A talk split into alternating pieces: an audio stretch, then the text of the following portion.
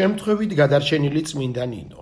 ის რაც შეუძლებელი გგონია, შესაძლებელი ხდება, როცა ადამიანის შვილის სიცოცხლეზე მეტად კაცის პატიმოყარეობა და დანაშაულებრივი მორალიზმია ფასეული. აგამემნონი мама ღმერთებს მსხვერპლად წირავს ქალიშვილი ფიგენიას, რათა გამარჯვებული დაბრუნდეს ტროის ომიდან. რადგან ბოლოს და ბოლოს რა დიდი ღირებულება აქვს ახალგაზრდა ქალის სიცოცხლეს, როცა საპირწორედ კაცის პატიმოყარეობა დგას.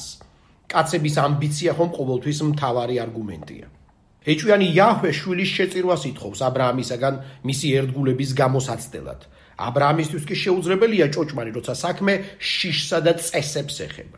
ის უმაღლესი მორალის სახელით აპირებს ყველაზე ამორალური დანაშაულის ჩადენას, შვილის მკვლელობას, რადგან კაცების კანონებს მსხვერპლი ესაჭიროება. აბრაამი ამორალური მორალისტია, მორალური მკვლელი. თუმცა უფლის ანგელოზი მას უკანასკნელ წამს დაუჭერს შვილის კისერთან დაწეულ ხელს და ისააკი გადარჩება, რა კი ისააკისა მესაბედნიეროდ ეჭვიანი ღმერთი ხილულად დარწმუნდება თავისი მონის ერთგულებაში. ქრისტიანული პარადიგმა კი ამ მოდელს რადიკალურად ცვლის. აქ ღმერთი კი არ ითხოვს მსხვერპლად ადამიანს, არამედ თავად ღმერთი ეწირება ადამიანს მსხვერპლად.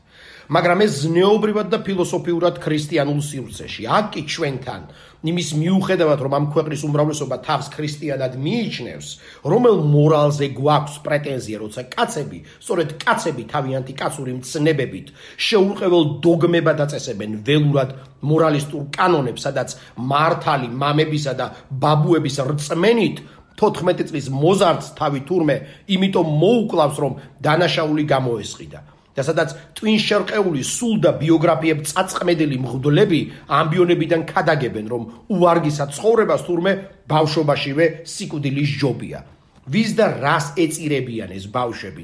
ამჯერად ნამდვილად არა ტროის ომს არამედ კაცების თავდაჯერებულ იდიოტიზმს და გადაუშენებელ გადახცნილ ჩამპალ და მაინც არ გამკრალ და მძლავრ ბნელ კრიმინალურ პატრიარქატს. სადაც მკვლელს ხელს არავინ დაუჭერს უკანასკნელ წამს რომელ ქრისტიანობაზე ქაქანებს ეს უგულო ბრბო.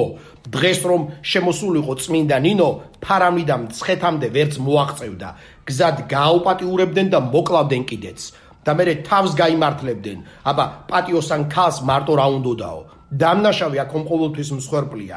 კიდევ კარგად გადაგვირჩა ქართველთა განმანათლებელი